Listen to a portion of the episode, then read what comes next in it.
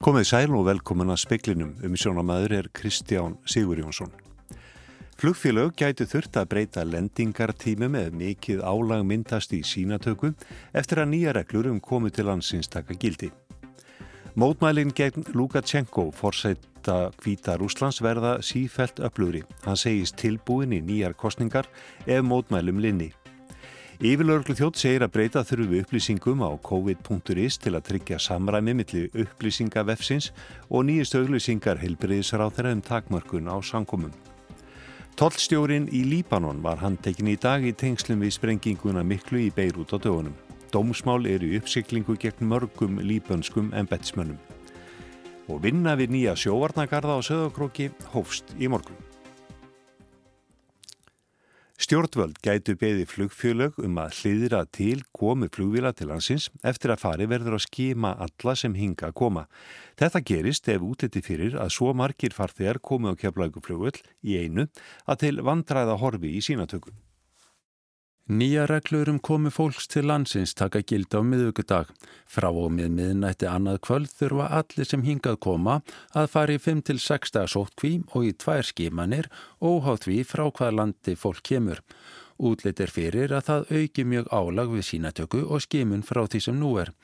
Þórólfur Guðnarsson sóttvarnalegnir segir mjög líklegt að veirufræði til landsbytala í samstarfi við Íslenska erðagreiningu ráði við álægið. Þetta fer náttúrulega allt eftir eh, fjölda ferðamanna sem að, sem að koma og þurfa að fara í þessa sínatökur þannig að við, þetta skýrist allt svona eh, setjumpartin í vikunni. Þórólfur og Pál Þórhalsson, verkefnastjóri hjá Forsættisraðnetinu, segja að mikil vinna hafi verið unnin síðustu daga við að undirbúa breytingarnar. Pál segir að vel sé fylgs með flug á ætlunum og spám um farþegafjölda. Og það kann að koma til þess að, að það þurfa að beina því til flugfélagana að lenda að dreifa betur lendingu flugvila þannig að það er, það er náttúrulega auðvitað mikið álega ef margar vilar er að lenda á sama tíma og þetta eru fleiri lönd sem þarf að skima frá núna heldur en áður. Þannig að það verður þetta bara metið alveg fram á síðasta dag. Vinna við nýtt forskráningarform kláraðast um helgina og getur fólk nú fyllt þá út þremur dögum fyrir komin að hinga til lands. Brynjólu Þór Guðmundsson tók saman. Alexander Lukashenko, fórseti Kvítarúslands, saðist í dag verið reyðibúin að búa til nýra kostinga og minka völd sín með því að gera breytingar á stjórnanskrá landsins. Slíkt eru þó ekki gert meðan ennværi mótmælt á götu múti. Reuters fréttaveitan segir Lukashenko vonast með þessu til að læja mótmælaölduna sem varað hefur frá því að tilkynnt varum úrslit fórsetakostningana fyrir rúmri viku. Sankant ofinbjörun tölum sigraði Lukashenko með 80% atkvæðu en margir telja svetlunu Sikonskæja réttmætan sigurvegara. Það var á fundi með verkamönnum í einni af ríkisreknum verksmiðun landsins sem fórsetting gaf í skína hann væri reyðubúin að vinga völd sín. Á fundinum mátti Lukashenko þóla framíköll og kröfur um að hann leti af embætti en starfsfólk verksmiðana hefur lengi tilhert hans helsta stuðningsmanna kjarna. Böðst hann til að gera þær breytingar á stjórnarskrár landsins að fórsetin missi stjórnarskrárbundi valdsitt. Slíkt saði Lukashenko þó ekki gera nema mótmælaölduna lægði. Tilbóðið þykir ólíklegt til að hafa áhrif þar sem hann hefur lagt hann á sambærilegt bóð áður. Síkonskæja sendi stiðningsmönnum sínum ávarp frá Litáin í dag og hvaðst vera reyðubúin að taka við sem fórseti landsins. Þá kvatti hún lágreglu og liðsmenn öryggisveita til að láta á stöðningi við Lukashenko. Auk mótmælana heimaferir stendur Lukashenko nú einnig frammi fyrir hótunum Európusambandsins sem um refsi aðgerðir en leiðtóar sambandsins hafa fundað í dag um álefni kvítar Úslands. Anna Sigriður Einarstóttir tók saman, nána verði fjallaði um málefni kvítar Úslands síðar í speklinum.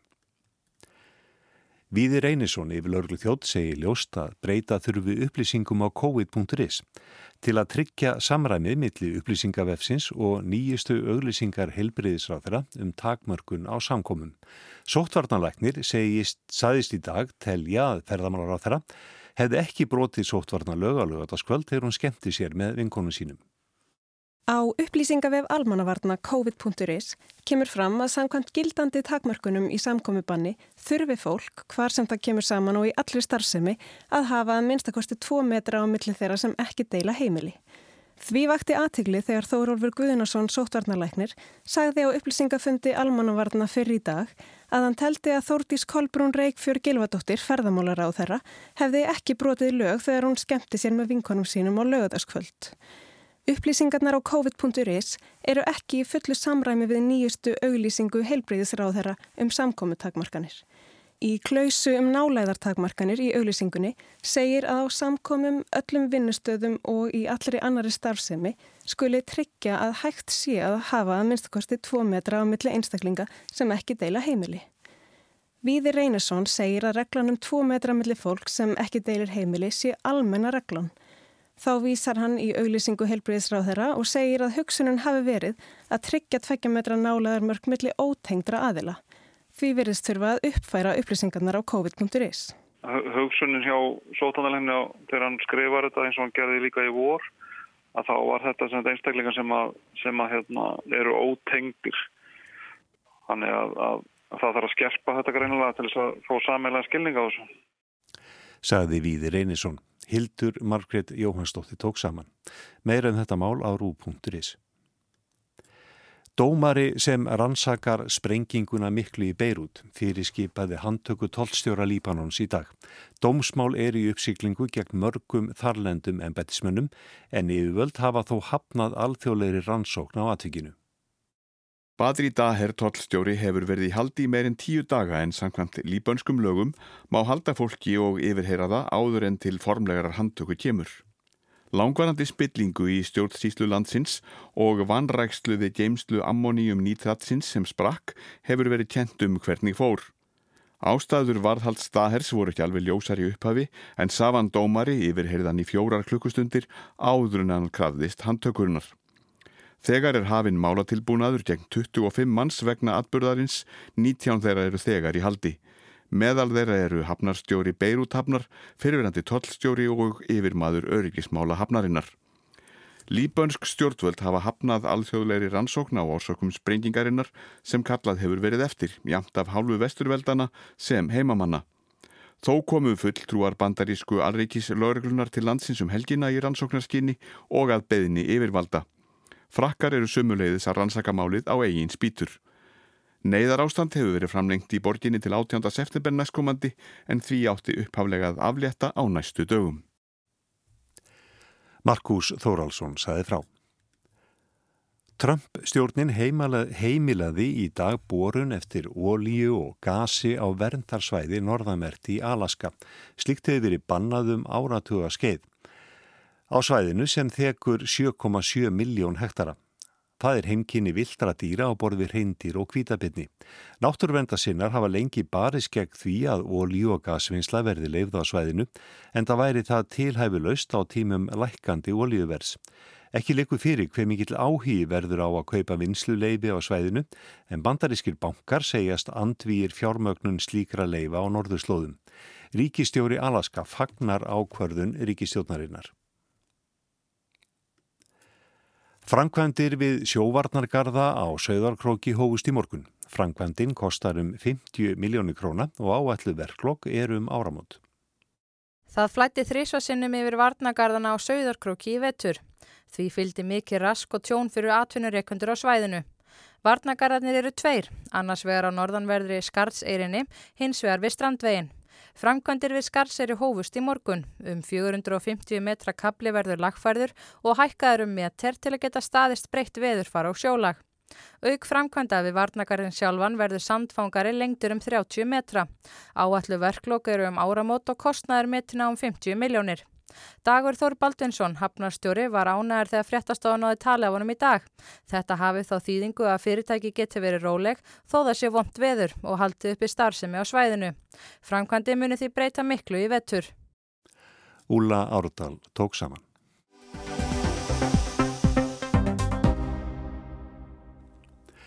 Bjarni Berindisson fjármálar á þeirra útilokkar ekki að hlutabóta leiðin verði framlengt. Hann segir að skuldir ríkisjós aukist nú um rúmlega, rúmlega miljard króna á dag.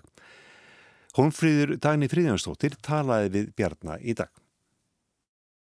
Og ég er sannfæriður um það já að við verðum að passa upp á að það komi ekki auðveldlega inn í landið ný smitt sérstaklega þegar við sjáum að smiti er í öðrum vexti í öðrum löndum og við höfum líka gögn, við höfum verið að fjárfesta í gögnum tölfræðilegum upplýsingum sem að sína okkur það að svo tegund veirunar sem var hér á ferðinni á fyrirhluta sumars, hún verist vera úr sögunni. Og núna erum við að eiga við aðra tegund af þessari veiru sem að virðist hafa komið yfir landamærin núna uh, um mitt sumar eða setni hluta sumars. Og uh, það segir okkur það að það er ákveðin hætta þarna og þessa hættu verðum við að reyna lámarka. Það gerum við til þess að geta haldið skólalífi gangandi og við getum svona í flestu tilliti verið nokkuð örug hvað varðar heilsuna og við getum svona haft okkar dagstælega líf sem næst því sem áður var. En ertu sannfarður um að þetta sé best fyrir ríkiskassan bara þegar allt er talið? Já, ég held að við höfum gríðalega mikið að verja með því að tryggja að það sem er að gerast hér innanlands fari sem minnst úr skorðum en nákvæmlega hvernig við finnum jafnvægi því að lifa með veirun eins og það er orðað þessa dagana það er list sem við erum að læra smám saman og eftir því sem að hlutunni þróast. Þannig að ég skal ekki segja hva, hvaða reglur munir nákvæmlega gilda þegar við höfum fengið enn frekar upplýsingar og skimanir hafa skilað okkur frekar í gögnum og við höfum séð hvaða árangur við getum náð innanlands og hvernig landsmenn allir taka þátt í að halda semst, smitum niðri. Þetta allt saman spilar saman í því að taka frekar ákvarðanir. Og Bjarni útlokar ekki að hlutabóta leiðin verði framlengt. Já, það sem hefur verið í umræðinu augljóslega er það sem tengist hlutabótaleðinu. Við þurfum að leggja mat á það hvernig hún hefur gagnast. Ehm, það eru hlutir eins og það sem tengist sóttkvinni vegna þess að við erum að leggja aukinn þunga á hana. Það er sömu leiðis eh, farið fram á það núna varðandi tekjutengdar atvinnleysbætur að það tímabil sé aðeins lengt og alveg augljóst að, að það getur orðið mikla þrengingar hér á vinnumarkaði á haustmánuðum. Það hefur verið Þetta hefur virkað aldrei eins og fallíf að hafa þessa tekjutengdu atvinninsbætur. Um, það er eitt af því sem hefur verið nefnt. Uh, við ættum eftir atvikum líka að skoða lánaúræðin, fyrirgræsluúræðin sem við höfum lagfæst. Uh, erum sífælt að meta hvernig þau hafa skilað sér og eftir atvikum kann að þurfa að gera eitthvað svona breytingar, stilla skrúðunar aðeins þar. Þetta er bara allt undir í þessu sjálfu sér. En hvernig eru efnahagshorfurna núna með við byrjun sumars? Þær eru ekki mikið breyttar, það hafa svona einstaka fórsendur aðeins hliðrast. Við höfum fengið meiri enganislu heldur en við gerum ráð fyrir híðan innanlands. Um, en um, heilt yfir séð þá verður við að horfast í augu við það að, að við erum hér að verða fyrir gríðarlegu áfalli. Við erum að sapna um, já, um það byrjum miljard á dag í skuldir uh, og við erum að vera rúmlega það, svona 300 miljardum á þessu ári frá því að COVID kemur upp. Það horfir ekki til þess að það lægist neitt á næsta ári eða þar næsta. Þannig að við erum stött í gríðarlega krefjandi efnagslegum aðstæðum sem kalla á það að við lítum til allra átta til þess að hámarka eh, framleiðni, framleiðslu í Íslandi, skapa tækifæri, hjálpa fólki að nýta þau, virkja kraftana í landinu og ef okkur mistekst það, þá getum við þurft að fara í harkalega aðlögun að breytum veruleika og það, þetta gildir líka ef að þessi veira fyrir að dragast á langin og okkur tekst ekki að, að örfa ferðarþjónustu að nýju að þá getur það verið erfið aðlögun sem að býður okkar. Saði Bjarni Benediktsson, hún fríður daginn í fríðjanstóttir talaði við hann, Arnar Pál Haugsson tók pistilinn saman.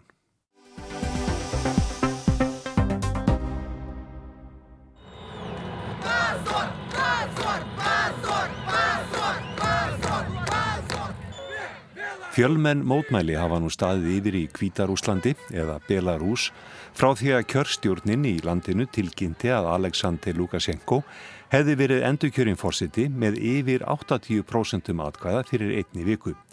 Mótmælin hafa farið stigvaksandi og þeim hefur verið mætt með mikilli hörku af lauruglu og öryggisveitum. Kvítarúsland hefur nokkra sérstöðu meðal nágranna líðvelda sinna sem áður voru innan Sovjetríkjana og pólitísk þróun var þar með allt öðrum hætti en til að mynda í Eistrasaltsríkjónum eftir fall Sovjetríkjana árið 1990. Jón Ólafsson, heimsbyggi profesor við Háskóla Íslands, hefur lengi fylst með málum þar eistra. Já, sko þetta gerist reyndar ekki alveg strax og, og til að byrja með að þá var nákvæmlega sambærilega sjálfstæðisreyfing í, í Belarus eins og í Ukrænu og í Eistrasaltslöndunum, kannski aðeins veikari og þeir sem að muna eftir hrunni Sovjetríkjana muna það kannski að fósetti Belarus, Sjúskevits, Stanislav Sjúskevits er einn af þeim sem undirrituðu samkómulægið um sem að batt enda á Sovjetríkin en síðan gerist það að, að það verður náttúrulega bakslag þar eins og annar staðar og Alexander Lukashenko sem að, að er fósitt í dag að hann er svona, hvað maður segja, populisti á, á þeim tíma og tekst að að ná mjög miklu fylgi og sigrar fósittakostninga 1994 með talsverðum yfirbörðum.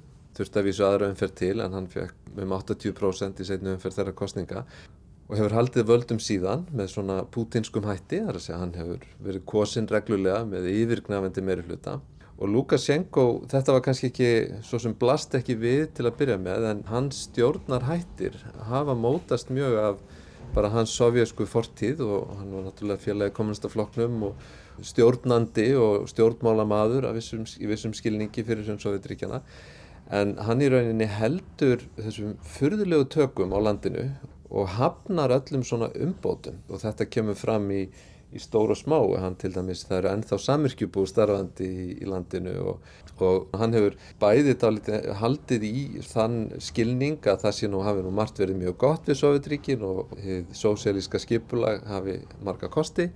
Og þetta átti sér auðvitað vissan hljómgrunn í landinu en, en hefur í rauninni leytið þess að, að þarna hefur orðið alveg ótrúlega mikil stöðnun efnahagslega og pólitíst og Hvítrúsland eða Belarus hefur verið algjörlega háð Rúslandi núna í meirinn 20 ár og í rauninni að þá er allt sem að gerist þar fer með einum eða öðrum hætti í gegnum Moskvu, hvort sem að það er politíst eða, eða efnahagslega og allur efnahagurinn, allt er háð Rúslandi og þetta hefur auðvitað valdið því að fólk hefur yfirgefið landið unnvörpum, það eru mjög margir sem að hafa sest að í æstrafallsliðuldunum, ekki síst í Litáen og í rauninni þá hefur staðand aldrei verið þannig að möguleikar ungsfólks hafa bara verið ákvæmlega takmarkaður og það eru ákvæmlega óspennandi fyrir fólk sem að vil eh, hefur einhvern metnað í lífinu eða mentast eða vil vera í sambandi við umheiminn að, að vera þar áfram og þannig að, að sko þessi tök Lukashenkos á allu kerfinu hafa verið fyrðulega sterk. En það er kannski, má segja sko að, að núna á síðustu 5-10 árum þá hefur ströymurinn að einhverju leiti snúist við og þetta stafa nú kannski í og með að því þó írónist kunna hljóma að Rúsland er þrátt fyrir allt miklu opnara land heldur en Belarus og í gegnum það kemur fólk sem er bæði búið að vera í Moskvu eða búið að vera annar staðar og vill snúa heim Og það hefur auðvitað verið þörf fyrir að taka á móti fólki sem hefur áhuga á stopna fyrirtæki, láta til sín taka í efnahagslífinu og, og annað slíkt. Og þess vegna þá hefur staðan breyst núna á síðust árum að þarna er miklu meira fólki sem að sættir sig ekki við þessa gamaldags einræðistjórn lengur. Og ég held að í grófustu dráttum þá getum að skýrt þessa ofbóðslega kraftmiklu mótspyrnu gegn Lukashenko núna með því og það er greinilega mikil ólga í landinu. Hvernig sérðu núna framhaldið? Sko, núna náttúrulega getum við bara hort á uh, atbyrðina gerast, sko, það er voðalega lítið þetta spá. Í rauninni þá er mjög margt sem að minnir á það sem er að gerast núna í Belarus, minnir á það sem að gerðist í Moskvu fyrir 8-9 árum, 2011-2012, þegar að Putin var einmitt kosin í þriðja sinn eftir fjögur ára hlið og það örðu gríðarlega mótmæli vegna kostningasvika fyrst í þingkostningum 2011, desbur 2011 og svo fórstakostningum 2012. Pútinstjórnin hins vegar hún náði strax tökum á þessu mótmæli. Það fór ekki út í að mótmælinn breytust út um allt Rúsland sem að hefði hugsanlega geta gerst Þau voru aldrei bundin við, við hóp sem að, var of tengdur bara, hvað maður segja, elitunni í Moskvu, þar að segja mentuðu ungu fólki í Moskvu sem að, að er aldrei öðruvísi heldur en fólki út á landið. Í Kvítrúslandi þá verðist nú þegar að þessi mótmæli séu komin lengra heldur en mótmælinn 2012 í, í Rúslandi. Það er að segja það er alveg greinilegt að frambjóðandin sem að var í forgrunni á móti Lukashenko, Svitlana Tíkomírska, hún, hún höfðar til fólks. Hún hefur gefið yfirlýsingar og hvart til dæmis borgarstjóra út um landið til þess að standa fyrir mótmælafundum Það er alveg greinlegt að það er komin flótti í ákveðnar grunnstofnanir, til dæmis lögreglu og annað slíkt. Þannig að þetta eru miklu, miklu viðtakari mótmæli heldur en þessi 2012 í, í Rúslandi. Þannig að ég held að staðan er orðin miklu óstöður heldur en mann hefði grunna bara fyrir nokkrum dögum að hann gæti orðið í, í Kvítrúslandi. Því ég, ég verði að segja eins og er, það kemur mér á óvart að sjá hvaða, hvaða er mikið af fólki þar tilbúið til að, að fara út og, og mótmæla. Ég tala nú ekki um ef við erum að sjá þetta breyðast út um landið þar sem að Lukashenko hefur hingað til geta treyst algjörlega á, á sko yfirgnafandi fylgi. Nú eru örugla margir sem að líta til þess hvað gerir Pútin, hvað gera rússar í þessari stuðu? Já, það er góð spurning sem að þýðir að það er ekki, ekki auðvöld að svarinni. sko, maður sér það bara á rúsnesku fjölmiðlánum til dæmis í dag. Það verður að segja þessar fréttir frá Bjelarús án þess að gera mikið úr þeim samt til dæmis ef við horfum á helstu meginströms fjölmiðla þá lítur þetta aldrei út fyrir hennum rúsnæska fjölmiðla neytanda eins og Lukashenko sé svona í vissum vandræðum það sé komin upp svona trúverðu mótstaði gegn honum, hann þurfi að hugsanlega gefa eitthvað eftir, jafnvel draga sér tilbaka með einhverjum skilirðum þannig að ef maður ræður í þessa fjölmiðla dekkun í Rúslandi þá myndi ég ætla að Putin eh, og hans fólk eh, átti sig á því að sennilega eru dagar Lukashenkos taldir. Það veri hins vegar algjör martröð fyrir rúsa að fá stjórnar andstöðuna í staðinn. Þá erum við bara að tala um hópa sem eru miklu hlindari samvinnu við Úkrænu, Evrópu, við Estralandslöndin og, og svo framvegs heldur en við Rúsland. Þá, þá er bara komin úkrænsk staða. Það er ekki heppilegt fyrir Putin heldur að gera það sem að rúsar hafa gert í Úkrænu sem er að halda við svona óstöðuleika og stríði. Það er mikilvægt fyrir Rúsland að ástandið sé rólegt í Kvítarúslandi. Það er ekki þannig að, að það séu bara Belarus sem þarf að rúsum að halda, það er gagfæmt af vissu marki og órói þar gæti haft ófyrirsjónlegar afleðingar í Rúslandi til lengri tíma. Þannig að ég held að þetta sé mjög flókin staða og það hlýtur að vera að það verði reynd að finna einhvers konar kompromi myndi ég halda á næstu dögum. Þannig að maður sjáu Lukashenko einhvern veginn hverfa til hliðar eða eitthvað slíkt sko. En þetta er náttúrulega bara hrein spekulasjón og eins og ég segi sko ef að þú hefði spurt mig fyrir viku þá hefði mig ekki grunað sko að þetta ætti eftir að þróast á þann veg sem það hefur gert síðustu daga. Þarna heyrðum við í mótmælendum í Kvíta Rúslandi. Speillin rætti við Jón Ólafsson um ástandi þar.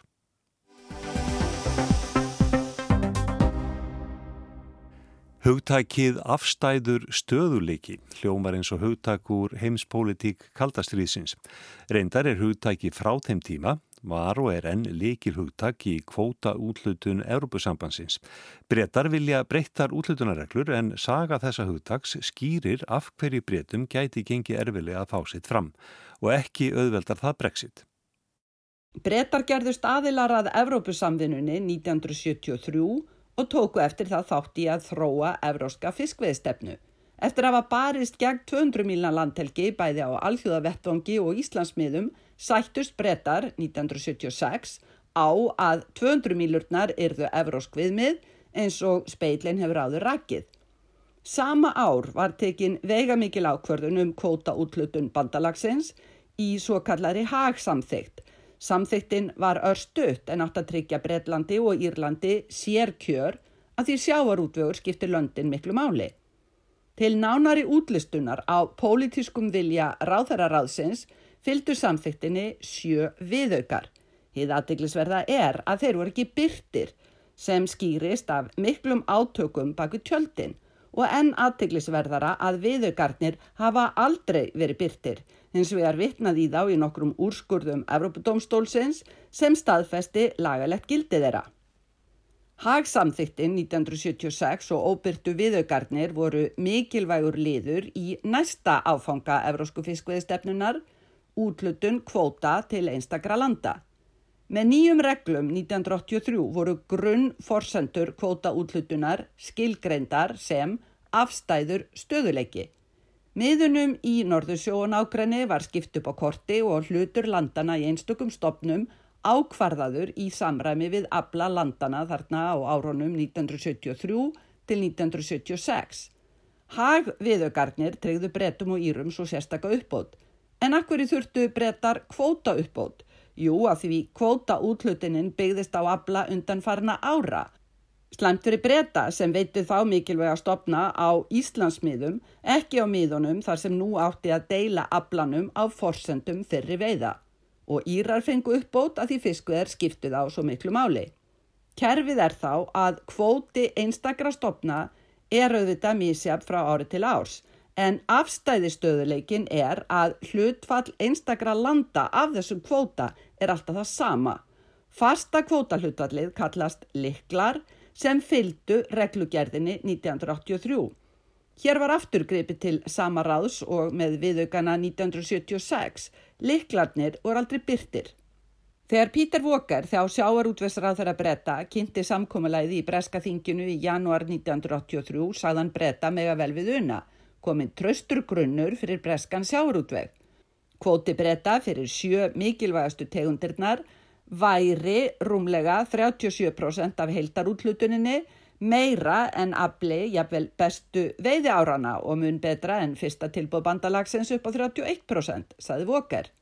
Frá stjórnaranstöðunni hyrðist að 37% væri mun minna en þau 45% sem brettar vildu, en Voker nýtti á hvað breski útafslotin hefði mist mikið við að missa Íslandsmiðin. Eins og síðar var bent á í breskri þingskíslu Bretar þurft að sætta sig við að vera reknir af Íslandsmiðum að þess að geta þá snúið sér að eiginmiðum og rekið þaðan franska og aðra sjómenn sem hefðu veitt þar um aldir. En aftur að prósentunum, Voker laði þarna saman hlutfaldstölur fyrir sjö helstu bresku nýtjastofnana. Í reynd eru tölurnar eða liklarnir mísjafnir eftir tegundum. Liklarnir frá 1983 eru enn óbyrtir. En þegar ný aðildarland með veiðirétt á þessum miðum hafa bæst við í Evrópusamvinnuna hafa þeirra leiklar verið byrtir í aðildarsamningum landana. Þó kvóta útlutininn byggi á óbyrtum forsöndum eru reglurnar frá 1983 enn í fullu gildi og notaður til að reikna út afla hlutdeild ESB landa síðast í oktober í fyrra í útlutun yfirstandandi árs. Út frá þeirri skiptingu má auðvita reikna út afla hlutfall einstakra landa. Eins og talsmaður ESB upplýsi speilinum, liklarnir lifa í forritinu sem ESB notar við árlega kvótaútlutun. Þrátt verið sérlega uppbót vegna tapaðra Íslandsmiða og að breytar áttu þátti að semja reglurnar 1983 hefur lengi verið urgur í breytum yfir liklakerfinu. Í brexit viðröðunum nú við ESB vilja breytar meðal annars breyta þessu kerfi talja aðrar fórsendur vera rögleiri. ESB hafnar öllum breytingum. Sannlega rétt, auðvitað má hugsa sér aðrar útlutunar fórsendur en í reglunum frá 1983. Líkt og brettar tóku á sínum tíma skakkan pól í hæðina varðandi 200 sjómílur, vannmeta þeir kannski nú að frá sjónarhóli ESB hefur liklakerfið reynst afar vel skapað stöðuleika í 37 ár. Í ljósi sögunar þarf líklega mikið til að ESB taki í mál að breyta kótareglunum nema þeir finni sniðu að löst sem bæði hald og sleppi. En setji ESB fast við sinn keip eru breytar í verulega þraungri brexit-klípu. Sigrun Davísdóttir saði frá. Það var helst í speklinum að flugfélög gætu þurft að breyta lendingartímum ef mikið álag myndast í sínatöku eftir að nýja reglur um komið til hansins taka gildi. Mótmælinn gegn Lukashenko forsetta kvítar Úslands verða sífælt öflugri. Hann segist tilbúin í nýjar kostningar ef mótmælum linni. Yfirlörgu þjótt segir að breyta þurfi upplýsingum á covid.is til að tryggja samræmi milli upplýsingavefsins og nýjistu auglýsingar helbreyðisráðara um takmörkun á samkomum. Tollstjórin í Líbanon var handtekinn í dag í tengslum við sprenginguna miklu í Beirut á dögunum. Dómsmál er í uppsiklingu gegn mörgum líbönskum ennbættismunum. Vinna við nýja sjóarnagarða á söðakróki hófst í morgun. Veðurstofan gerir ráð fyrir hægri breytilegri átt eða hafgólu en söðaustan 5-10 með söðuströndinni. Bjartamestu en skíjaðum sunnavertlandið og smá væta við, við ströndina. Stökuskúrir norðan til, norðaustan átt 5-13 og skíjaða mestu á morgun, kvassast vestan til. Líkur á þóku við norður og östuströndina og síðdeis skúrum söðvestan til. Híti verður á bylinu 12 til 22 stík hlýjast á Suðvesturlandi. Taknimaður í útsendingu speilsins var Jón Þór Helgason. Verðið sæl.